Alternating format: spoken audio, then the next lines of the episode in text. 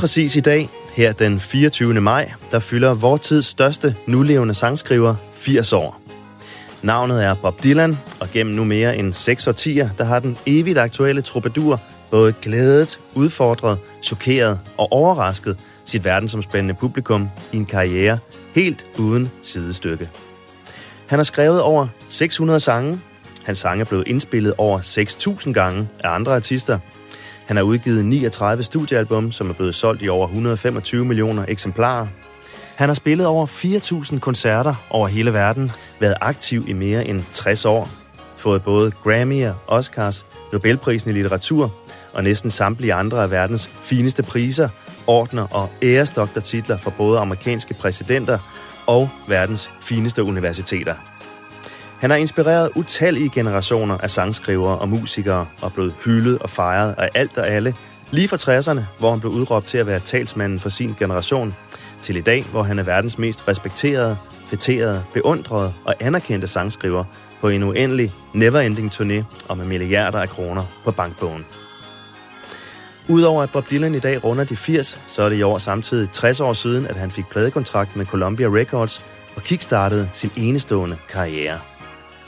Begge begivenheder er i den grad en fejring værd, og lige netop nu og i den næste times tid, der skal vi hylde manden, myten og mysteriet Bob Dylan her på Radio 4.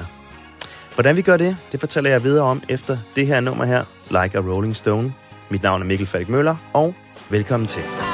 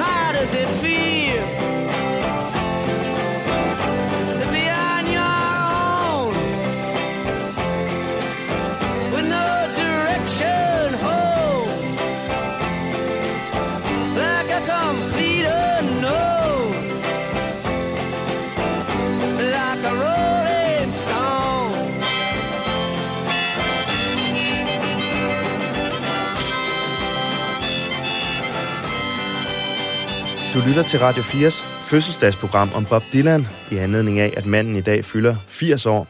Og her der var han med et af sine mest kendte numre. Et stort hit tilbage i 1965, Like a Rolling Stone.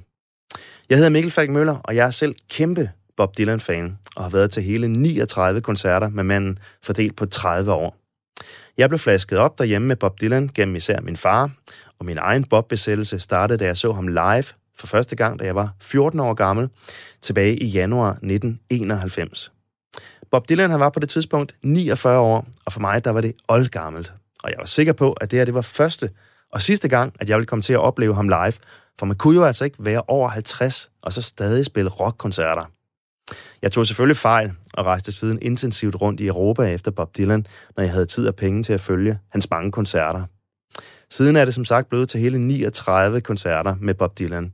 Og sidst jeg så ham, det var for to år siden på Roskilde Festivals Orange Scene, hvor Bob i mellemtiden var blevet 78, og jeg selv 43. Og jeg krydser dig fingre for, at det ikke bliver sidste gang, jeg og andre af hans kæmpe fanskare kommer til at opleve Bob Dylan live igen. Jeg er naturligvis ikke ene om at være stor fan og beundrer af Bob Dylan. Det er vi rigtig mange, som er. Også herhjemme, hvor Bob Dylan har givet over 30 koncerter i årenes løb. Men hvorfor er han egentlig så fantastisk, ham Bob Dylan? Hvordan er han at arbejde sammen med og som privatperson? Hvad er det med de her tekster, som han altid er blevet skammerost for? Og hvad er det med hans mærkelige stemme, som i den grad både fanger Dylan-fans ind og skræmmer potentielle Dylan-fans væk? Alt det og meget andet, det vil jeg forsøge at komme ind på nu her, sammen med kompetente Dylan-gæster som musikeren Billy Cross, stemmecoachen Julie Lindell og litteraturprofessor og forfatter Anne-Marie Maj, som vi ligger ud med nu her, hvor hun starter med at fortælle om sin egen indgang til Bob Dylan. ja, mm-hmm. det er jo sådan, at jeg er jo øh, litterat og interesseret i god litteratur og øh, god dækning, og det er i den forbindelse, at øh, jeg jo altså begynder at interessere mig for, for Bob Dylan øh, og skrive bøger og artikler om hans øh, sange.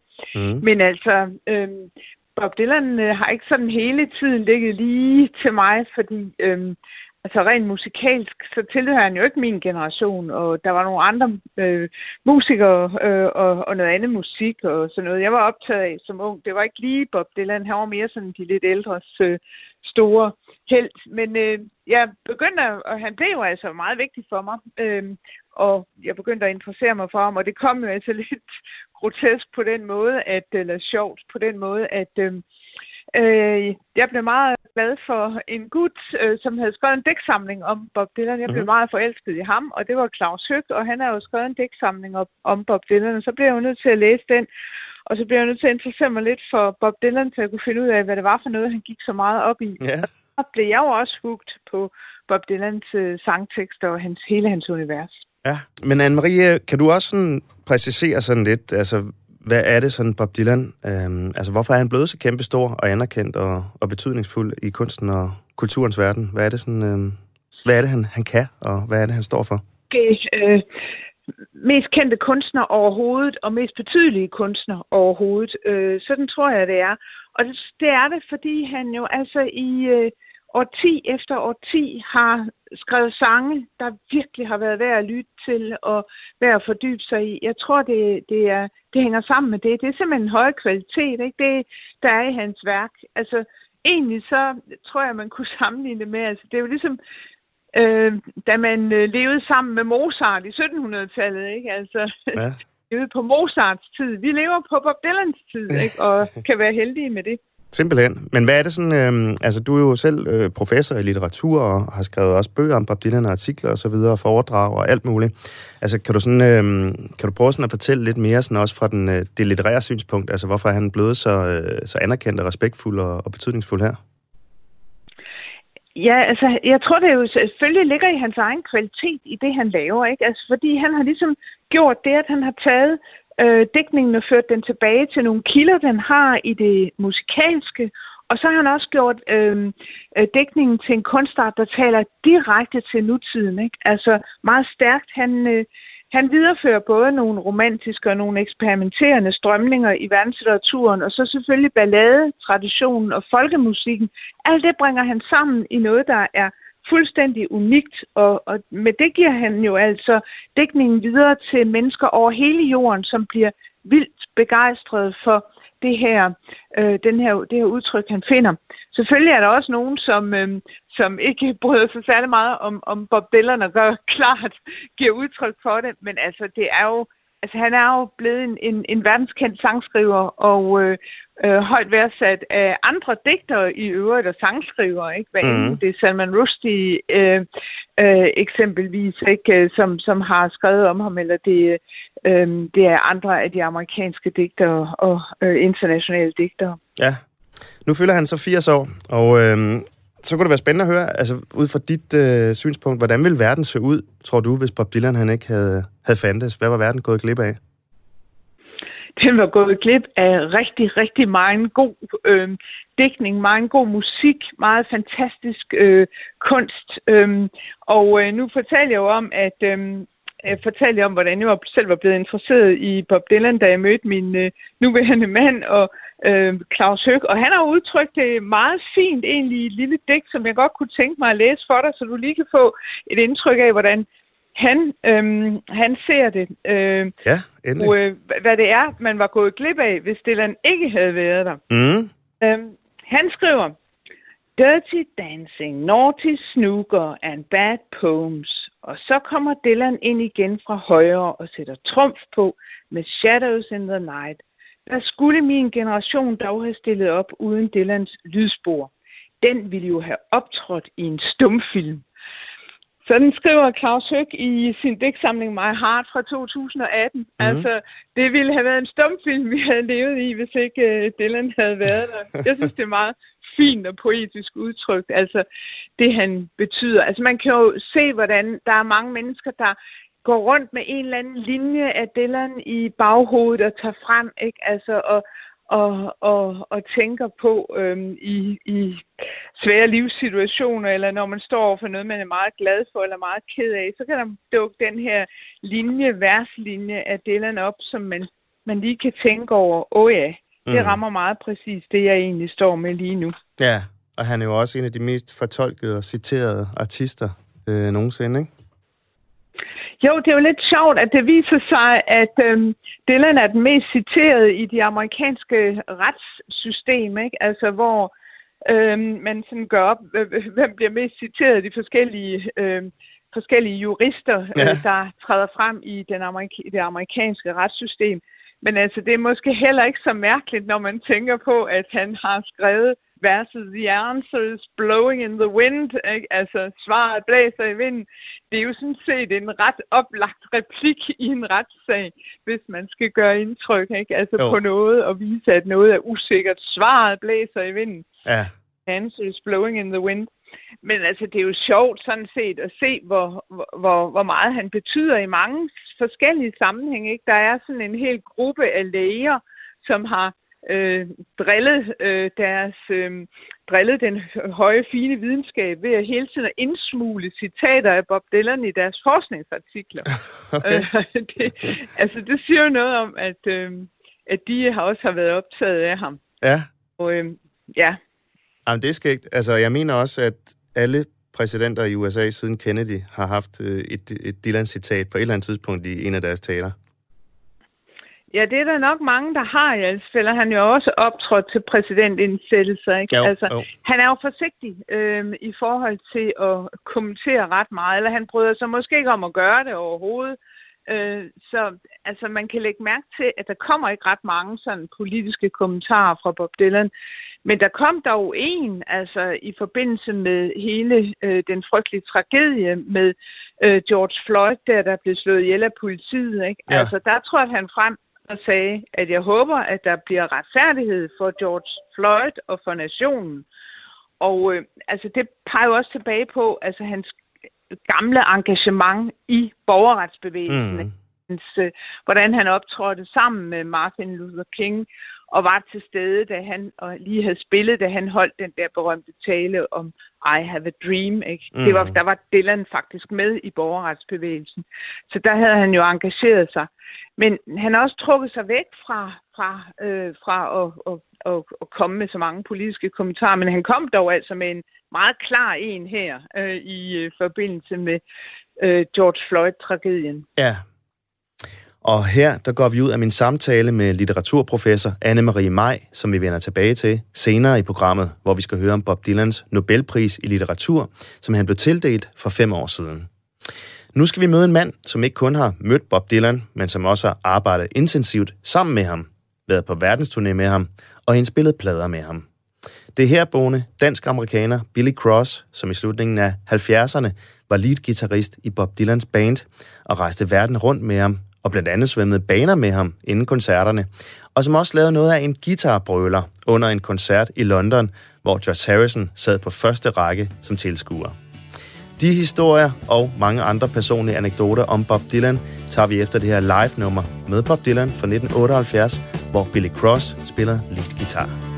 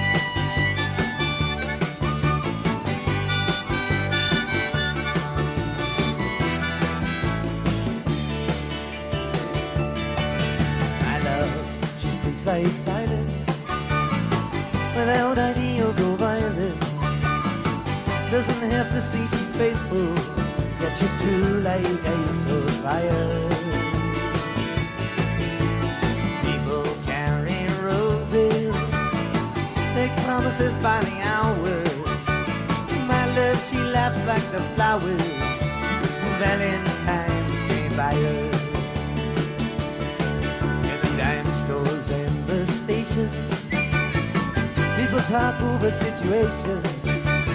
beat books and repeat quotations. Draw conclusions on the wall. Some speak of the future. My love, she speaks softly. There's no success like failure. And that failure's no success at all. Broken dagger, dagger eyes like the candle in ceremonies of the horsemen, Even a pawn must hold a grudge. Statues are made of matchsticks, tumble into one another. My love winks, she doesn't bother.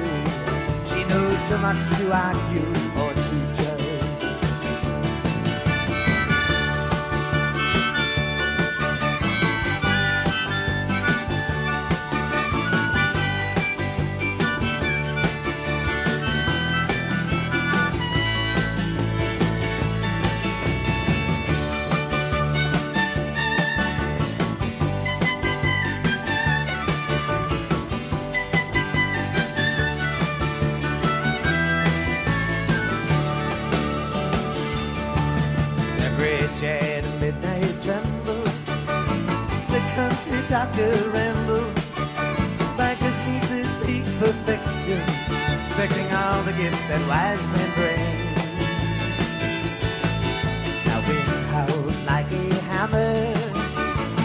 love's cold and rainy. My love, she's like some raven at my window when I broke.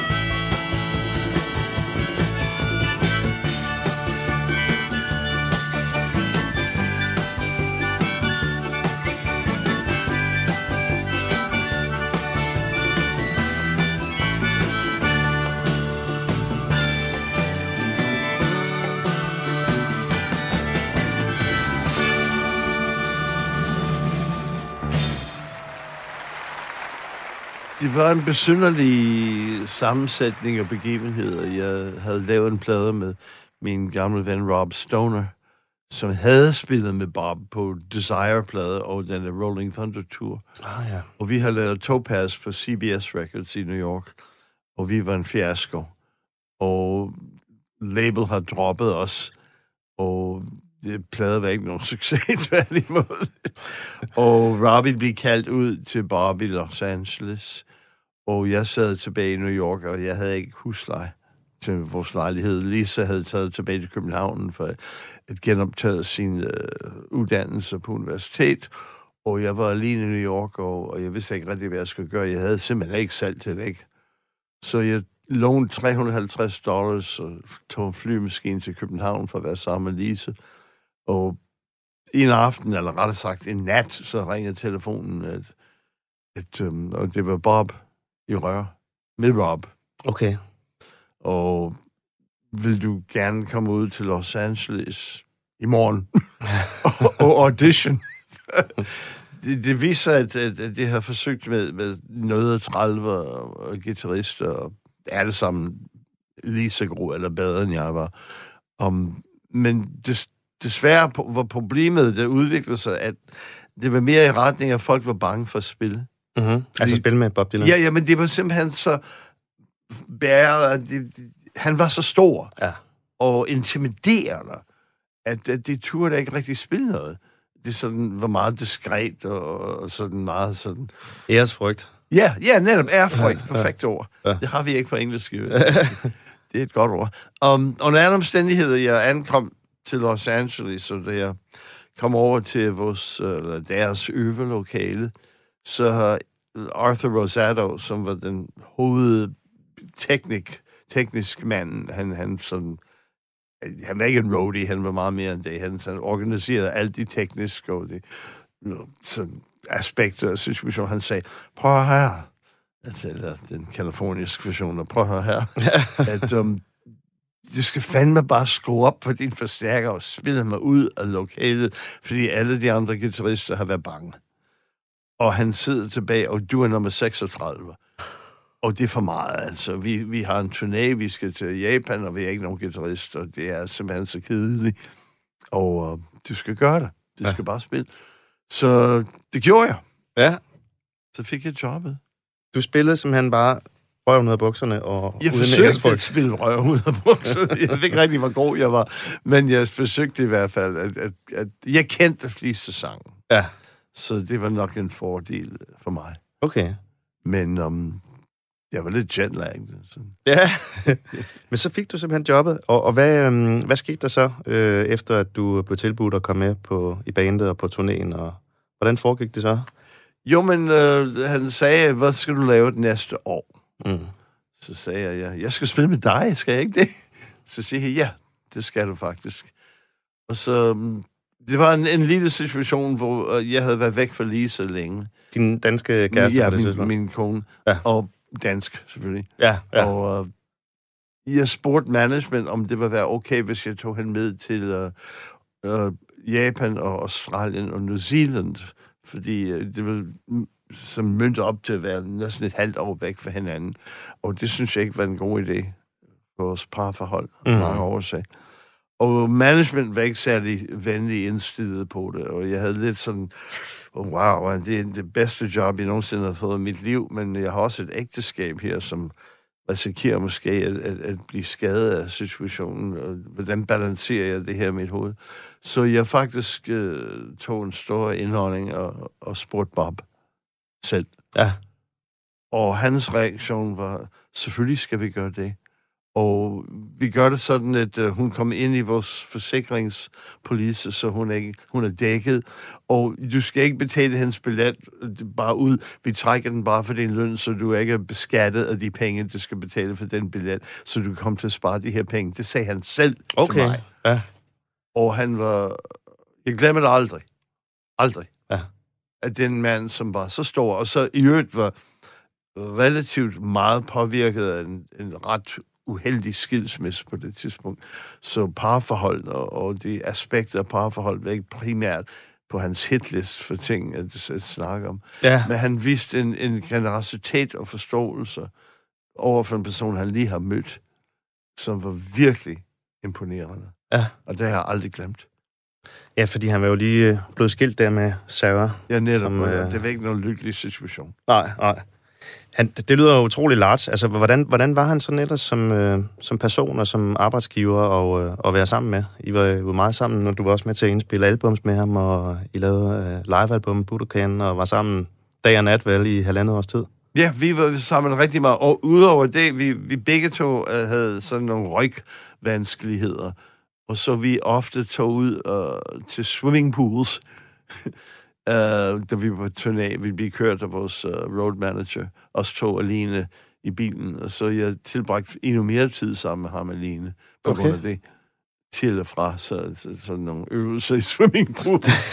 så det vil sige, du, du tog altså ud og svømmede simpelthen, ja, ja. Øh, svømmede baner med Bob Dylan? Ja, netop. og det, um, som arbejdsgiver, han var generøs, givende, forstående og dejlig. Som mennesker, ironisk, sjov, intelligente, varme, virkelig sød, altså. Specielt, meget, meget specielt. Han er Bob Dylan. Mm. Og var Bob Dylan. Og ja. Det er en, en længere historie i sig selv, hvordan man kan bevare sin menneskelighed, når man er udsat for det, han har været udsat for mm. igennem tid. Hvor der folk kommer og siger, oh, you have the answer, blowing in the wind, og you gotta hear my poem. Ja. Sådan noget. Det, det, grotesk måde at blive behandlet ja. offentligt over andre mennesker. Simpelthen udmodsigeligt forfærdeligt, at folk betragter ham som, hvad de betragter ham som, og at han kunne bevare sin rare måde at være på, var et mirakel mm. i mine øjne. Mm. Jeg kender, jeg har arbejdet rigtig, rigtig mange mennesker, og nu har jeg lige mistet min gode ven Jim Steinman. Ja, som skrev og lavede musik for Meatloaf, mand, som du også har arbejdet sammen med. Ja, og, og Meatloaf, som jeg også har spillet sammen med i starten. Og Meat var virkelig udsat for nogle voldsomme følelsesmæssigt øh, vanskeligheder i forbindelse med hvad, hans karriere. Og mange andre, jeg har arbejdet sammen med, Link Ray, som bliver ret mærkelig, og mm-hmm. det, alt muligt det, men Bob, han bevarer sin uh, sund fornuft på en måde. Okay. Det må, det må da være, altså, det kan jeg altså ikke forstå, næsten kan det kan være muligt. Uh, han må have et eller andet, være bygget noget særligt. Um, hvad, hvad var I selv sådan uh, udsat for? Eller nu var du sådan inde i det her i uh, næsten to år, det her Bob Dylanske univers. Uh, hvordan sådan var det at pludselig være med i den her inderkreds, og oplevede du selv nogle, nogle vanvittige situationer omkring Bob og omkring jer og koncerterne? det var heldigvis, var jeg ung og dum. Og jeg mener, jeg, jeg siger heldigvis, så ligesom hvis vi kom tilbage til det der med, de guitarister var bange for at manifestere sig i hans selskab. Ja. Jeg var også, hvis jeg havde den opfattelse og den forståelse, og hvor vigtigt en person han er dengang, så ville jeg også have været til en vis grad handlingslammet. Og jeg tog det, men det var bare, sådan var mit liv. At, uh, det var, de mennesker, der var i bandet, var sindssygt fedt. Mm. Det var sådan nogle dejlige, nede på jorden, super dygtige, utroligt talentfulde, meget, meget rare mennesker. De folk, der vi, vores lydfolk, vores lysfolk, selv de folk, der hang vores anlæg hver aften, var super rare mennesker. Det var en turné, der bestod i groft sagt næsten 54 mennesker. Okay, ja. At, øh, for dengang, det var rimelig stort. Ja, altså. ja. I dag, det er ingenting. Men uh, dengang, det var der stort. Og jeg, det var ikke den eneste person, jeg kan huske, jeg kunne lide. Det var virkelig, udover at være professionel, det var folk med en menneskelig dybde, som jeg synes var meget, meget dejligt at være i nærheden af. Og det selvfølgelig er nogle episoder, hvor når man er på turné i, i den grader vi var, og der er nogle ting op og ned, og sådan, når folk kan lille smule det til dat, eller har taget lidt for meget coke en dag, eller drukker for meget rødvin en anden dag, eller ja, bare træt, eller, eller savner familien, eller børn, eller hvad det ellers er, hvad man var, man var væk fra. Mm-hmm. Men um, fantastisk oplevelse, og jeg mødte, I mean, jeg mødte så mange fantastiske mennesker i, i selskab med Bob. Hvem? Hvem for eksempel? Ferlinghetti. Okay. det var virkelig... Uh, Beat... Uh... Ja. Ja, beatdigteren. Og, og jeg kendte Allen Ginsberg i forvejen, fordi vi begge to læste på Columbia, og min onkel var hans professor, og vi kendte hinanden. Men så, så, så, så ja, Alan og Peter var med, og jeg hang, hang ud med dem der. Hang ud med Alan Ginsberg, kammerat. Ja. I mean, det er stort, altså. Ja. Og, og Lawrence Ferlinghetti, det er kæmpestort. I mine øjne, med Phil Spector, jeg ja. mødte ham, det er også stort. Ja. Det er jo alle de her fantastiske mennesker, og ja, mean, det var, det, jeg var ligesom, wow, er det virkelig mig, der er midt i det? Ja. det kunne jeg ikke forstå. Nej, det er klart. Hvad, hvad med sådan, øh, jeg tænker sådan, øh, under den lange turné, og der er sikkert nogle af koncerterne, som har været sådan, øh, har der ikke været noget pres på? Altså nogle af de store koncerter i London og New York og LA og, og Japan, hvor der var alle mulige berømte og øh, mennesker til stede, som I skulle sådan ligesom spille op for. Øh, var der ikke noget vis pres øh, under showet, Jamen, eller hvordan? Nej, det, jeg synes ikke, jeg opfattede det som pres. Mm. Ja, ja, det var en sjov ting, der skete for mig i London, fordi at, øh, det, vi spillede i Earl's Court, jeg tror, det var George Harrison, han sad lige foran mig. Okay. og ja, ej, det er mere virkelig pinligt det her. Jeg havde en kæmpe stor guitar solo i afslutningen af Like a Rolling Stone, og, og jeg, det var, jeg kan sige, at jeg, det var lidt sved under ærmene. det, var, George Harrison, men jeg, jeg, jeg kunne spille hver eneste tone, han har spillet hele sin karriere. Jeg har lært hver eneste læg og hver eneste solo. Og det var han lige foran mig. Jeg kunne ikke holde mine øjne væk fra ham. Det var, det var jeg totalt ufokuseret. Så kommer det tidspunkt, jeg skal spille den solo, og jeg træder frem, og jeg trækker ledning ud af gitaren. Ja. Og den simpelthen... det, det var lidt tof. Ølskort, var det ikke der, hvor I spillede rigtig mange, over 10 udsolgte koncerter, eller var det 16 eller et eller andet? Det var mange ja. koncerter, men det var så velorganiseret, og folk var så professionelle og hensynsfulde mm. over for hinanden, at øh, jeg synes ikke, det var hårdt. Og når du spiller sammen med folk, der er så god, det giver en sikkerhed. Mm. Men, men man er afslappet på scenen, fordi man kan regne med dem. Ja. Havde I lydprøver inden hver koncert? Og, øh, lydprøver varede lang og en time hver mm-hmm. eneste aften. Og det er, det er mange årsager til at gøre sådan noget. Det første, det er, hver eneste aften har en anden akustik. Og man skal spille det op. Man skal vende, ørerne skal vende sig til den akustik. Så når man har spillet en time, halvanden times tid, så er man sådan set dus med, med lyden. Mm-hmm. Og det, det er en rigtig god idé. Det har bare lært mig blandt andet mange andre ting. Ja. Men det der, hvor vigtigt det er at lave en omfattende og velorganiseret og, og intens lydprøve. Og så og ofte tog han med nogle nye sange. Vi, vi har den, jeg har den allerførste indspilling af Slow Train Coming. Mm-hmm. Det han lige skrevet, da jeg sad ved siden af ham i bussen. Og så kommer vi til uh, lydprøve, så spillede vi den første gang ever under andre sange også. Ja. Så det var altid et eller andet, som han prøvede af mm-hmm. til lydprøver. Og så kunne vi bare jamme og, og lave nogle ting. Ja. Hvad, hvad lærte han der ellers? Øh, du sagde, han lærte der mange ting, Bob Dylan. Lærte han der nogle ting om livet, måske? Om, øh... Han lærte mig rigtig meget om... Det ene ting, han lærte mig, som, som den dag i dag er en stor del af min opfattelse af, hvad jeg laver, det er, at en sang kan laves på præsenteres på mange forskellige måder. At genremæssigt, tonart, rytmikken, øh, tempo, selv akkorderne kan ændres undervejs, hvis teksten fungerer mm. i, i den sammenhæng, der bliver præsenteret i. Og det vil sige, at man kan lave en sang i 4, 5, 6 forskellige udgaver, som ligner slet ikke hinanden, men stadigvæk fungerer hele tiden det har været forvirrende for mig som sangskriver, fordi at, øh, jeg prøver nogle ting af, og jeg bliver tabt i en, sådan en, en tom swimmingpool af forskellige idéer. Men ikke desto mindre har det været en kæmpe befrielse, mm. at vide, at tingene kan, du kan ændre på tingene, uden at skade noget. Ja.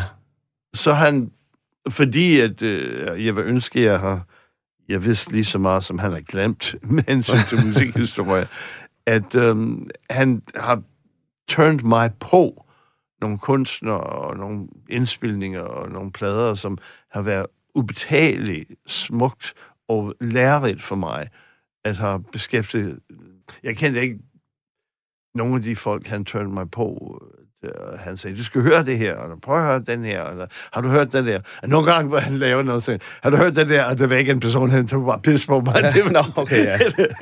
det var virkelig sjovt. For lige at teste dig. Tak til Billy Cross, der her fortalte om nogle af sine oplevelser med at være guitarist i Bob Dylans band i slutningen af 70'erne. Og hvis man gerne vil høre Billy Cross på plade med Bob Dylan, så lyt til studiealbummet Street Legal og live-albummet At Budokan, begge fra 1978. Hvis man som mig er Bob Dylan-fan, så oplever man tit, at andre eller store musikelskere har det svært med, eller decideret ikke bryder sig om Bob Dylan, alene på grund af mandens karakteristiske raspende stemme. De kan måske godt lide Bob Dylans melodier, tekster og sange, når de er indspillet af andre kunstnere. Men når Bob Dylan selv leverer dem, så står de af og går eller slukker for musikken, og synes generelt bare, at manden slet ikke kan synge overhovedet. Men kan han virkelig ikke det? Og hvordan lyder hans stemme egentlig, set ud fra et professionelt synspunkt? Det skal vi høre om nu i selskab med en af landets allerbedste og mest brugte korsanger og stemmecoaches, Julie Lindell, som har lavet kor- og studiearbejde for så forskellige navne som Anne, Sanne og Lis, Cliff Richard, Rick Astley og mange, mange andre. Her der lægger vi ud med at høre om Julies eget forhold til Bob Dylan. Øh, som svigerdatter synes jeg da, han er skøn, som han bringer begejstring i min svigerfar, den gamle øh, hippie, der lige er blevet 70. Min svigerfar forguder Bob Dylan, så øh, der skal vi altid høre Bob Dylan, og han det er Bob er Gud. Som øh, sangcoach og professionel sangerinde er han min øh, yndlingshader-version. så vi er... Det, jeg, men jeg vil sige, at øh, jeg er ret god til at tage min smag ud af min undervisning. Jeg kan godt øh, kigge på det objektivt, øh, og jeg kan også godt se, hvad det er, min svigerfar, han... Øh, har en, en, en ongoing snak om Bob. Ja. Han er en, en torn i kødet på, gode, på, godt og, på godt og ondt. Mm-hmm.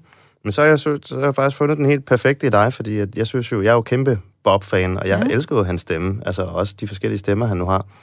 Jeg synes jo, det lyder smukt på mange måder, men jeg har jo også lagt mærke til, at det, der skræmmer folk flest væk i Bobs univers, det synes jeg netop er hans stemme. De kan måske godt lide sangene og teksterne, og hvis andre har indspillet hans nummer, men uh, hans ja. egen stemme kan de ikke rigtig fordrage.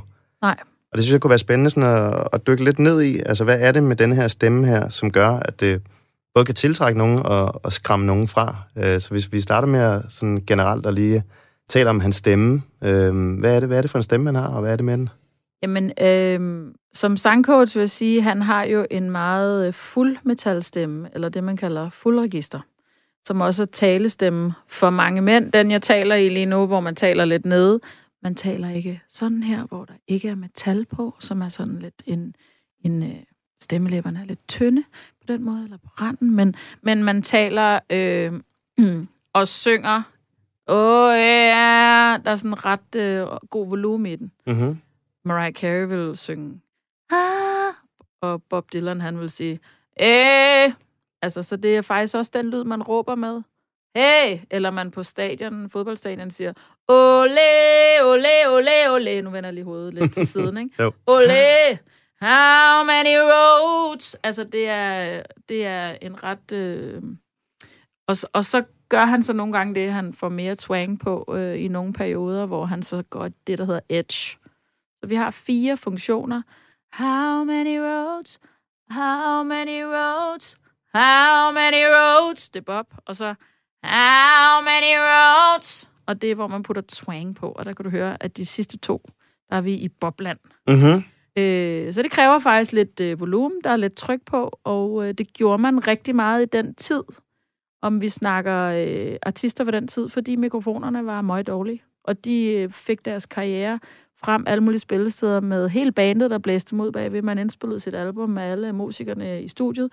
I dag, der er Ariana Grande jo vokset op med små, fine NES og lækre, dyre hi-fi øh, mikrofoner, mm-hmm. så man kan bare stå og synge Billie Elliot. Hun ville jo aldrig nogensinde have overlevet dengang. Hun Nej. synger også så stille som minus et volume, ikke? hvor Bob han synger 8, 9, 10. Ja, altså, og tit så havde han også været i studiet og vil gerne have det overstået så hurtigt som muligt, så han indspiller et album på 1, 2, 3 dage. Og så ja, laver han det one take. det kan man også. Men, men altså, hvad synes du egentlig om, altså, hvad synes du om hans stemme, sådan øh, helt overordnet? Øhm, jo, og så vil jeg lige sige også igen, som sangteknisk er den jo super interessant. Der kommer jo rigtig mange øh, sanger med, med ham som eksempel, eller vil lære noget på en måde. Men han er jo også en kameleon, og det kommer vi jo også til at høre i dag, når, mm. vi, øh, når vi kigger på, øh, at han har jo haft sin country-periode, han har haft sin kristne periode, han har haft sin øh, rockperiode, han har haft sin øh, Johnny Cash wannabe-periode.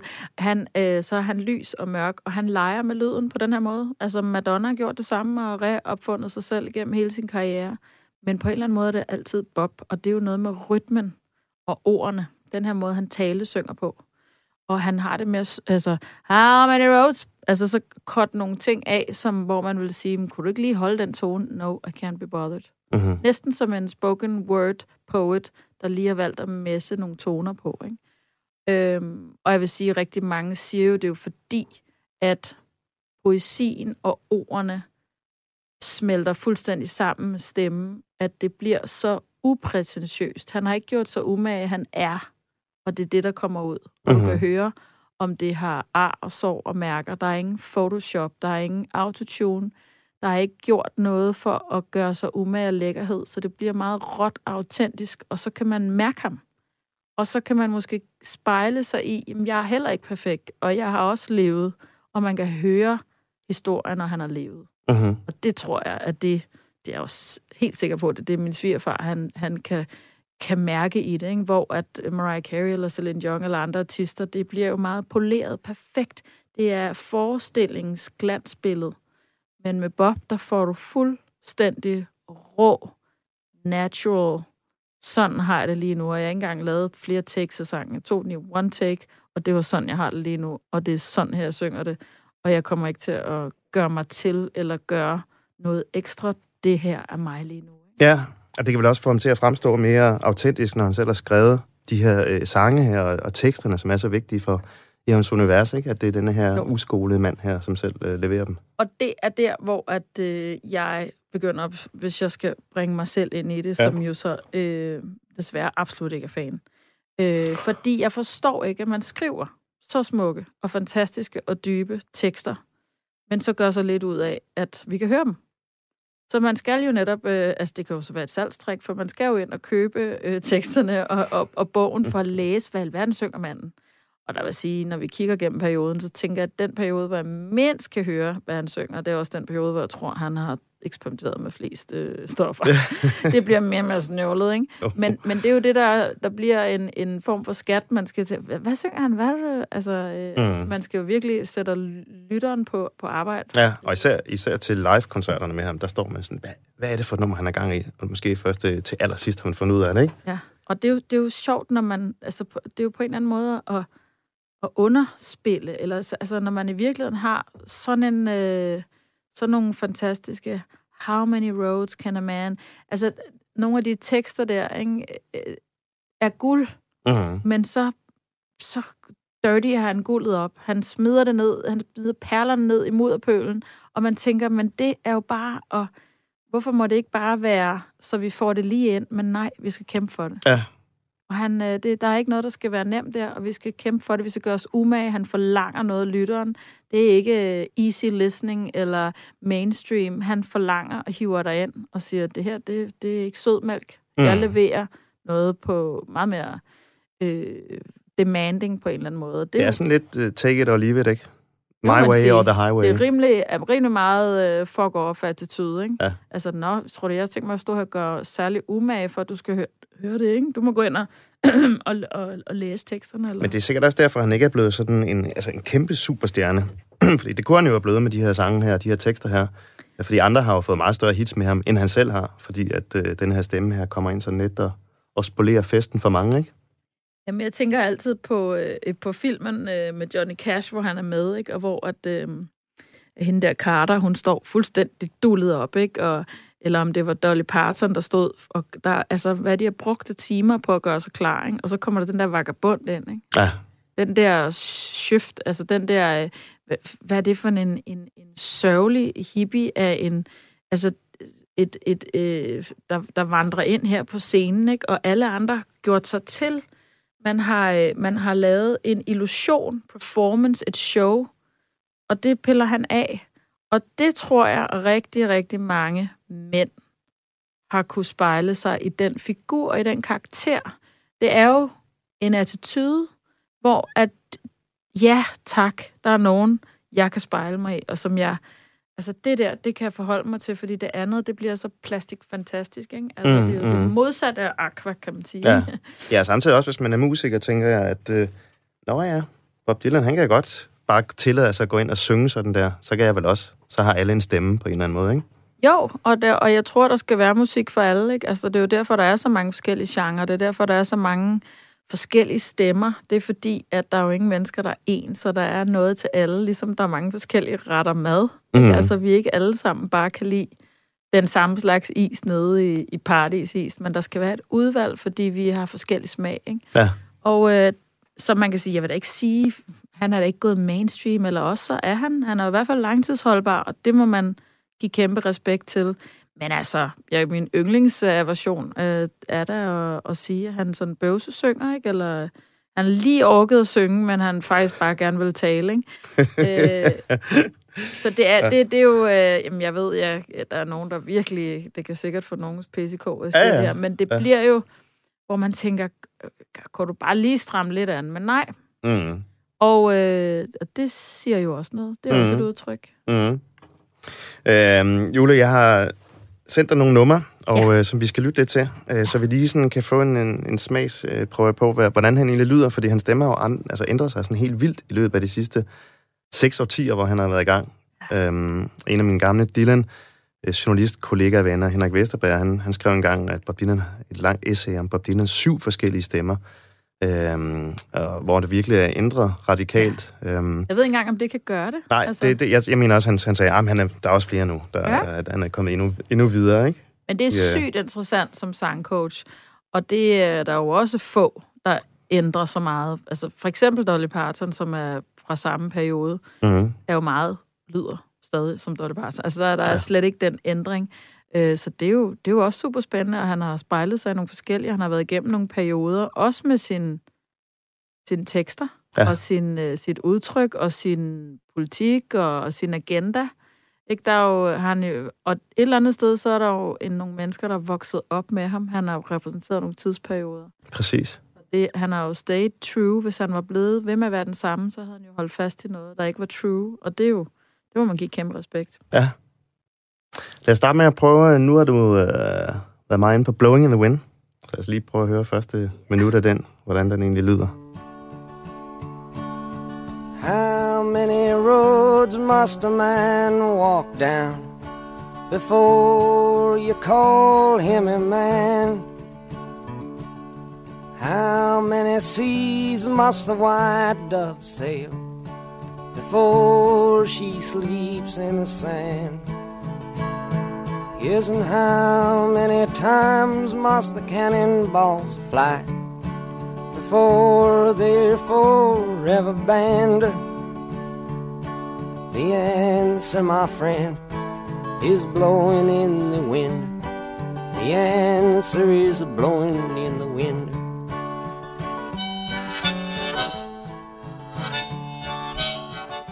Det her, det er jo Bob Dylan fra 1963. Han er kun 22 år, og det er sådan hans første store kendte sang. Ja. Hvordan øh, lyder han her? Hvad er det for en stemme, han har her i starten af hans karriere? Jamen, øh, han, øh, det er jo et af, det er jo et af de få tidspunkter, man kan høre, hvad manden synger. øh, der er jo en, en øh, fantastisk god tekstudtale, og så kan jeg ligesom sige, det har jeg sagt en gang til ham, fordi det kommer ikke... Men hvor, man ved jo så, at han kan udtale tekst, ikke? Mm. Så vi hører jo hver eneste ord her. Men, øh, og han har jo, i amerikansk i forhold til dansk, har de mere twang. Vi har ikke særlig meget twang på dansk. Øh, Twang, kan du lige forklare, hvad det, Twang det kan man finde ved at sige ordet twang, og så Twang. fryse i sin, med sin mund. Så siger twang.